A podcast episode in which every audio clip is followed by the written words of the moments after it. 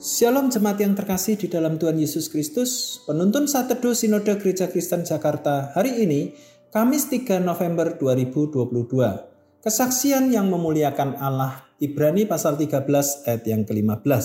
Sebab itu marilah kita oleh dia senantiasa mempersembahkan korban syukur kepada Allah, yaitu ucapan bibir yang memuliakan namanya. Di sebuah kerajaan di Persia, hiduplah seorang perdana menteri yang selalu berkata puji Tuhan. Dalam segala situasi, dia selalu bersyukur. Raja tertarik dan memilih dia menjadi pemimpin atas menteri-menterinya karena sikapnya yang rendah hati dan takut akan Tuhan. Suatu saat ketika sang raja sedang asik menikmati keindahan taman istana, tangannya terluka oleh duri bunga mawar yang tajam. Sang Perdana Menteri yang saat itu berada tak jauh cepat-cepat menghampiri raja dan berkata, Oh syukurlah puji Tuhan. Mendengar perkataan itu, sang raja menjadi murka dan sang Perdana Menteri dimasukkan ke dalam penjara. Beberapa hari kemudian, sang raja pergi berburu ke tengah hutan tanpa ditemani pengawalnya. Dan celakanya ia ditangkap oleh suku primitif dan akan dijadikan korban persembahan bagi dewa mereka. Namun sebelum dibakar, kepala suku memeriksa dengan teliti korbannya tersebut mulai dari rambut sampai ujung kaki.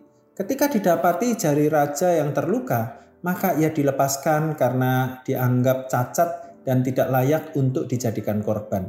Bersyukurlah hati raja pada saat itu dan ia berkata, "Puji Tuhan." Dan sekembalinya ia ke istana, ia segera membebaskan sang perdana menterinya dari penjara.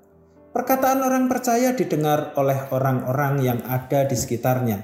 Mereka ingin tahu apa yang kita katakan, bagaimana perasaan mereka bila dari mulut kita sering keluar perkataan yang tidak memuliakan Tuhan, perkataan sungut-sungut, amarah, kebencian, kata-kata kotor, menjelek-jelekan orang lain, dan sebagainya. Tentu, kita tidak bisa menjadi berkat. Sebaliknya, bila dari mulut kita terucap perkataan yang membangun, memberikan harapan, pujian kepada Allah, ucapan syukur dan perkataan yang benar, tentu hati mereka akan tergugah dan turut dalam rasa syukur kepada Allah. Bahkan bukan tidak mungkin mereka akan tertarik untuk mengenal Kristus yang telah membuat kita untuk selalu bersyukur. Marilah kita sebagai orang percaya senantiasa mengucapkan perkataan yang memuliakan nama Tuhan agar hidup kita menjadi kesaksian yang indah bagi orang lain. Kiranya Roh Kudus memampukan kita Perkataan yang memuliakan Allah adalah penyejuk di tengah-tengah gersangnya jiwa manusia. Selamat beraktivitas, tetap semangat, Tuhan Yesus memberkati.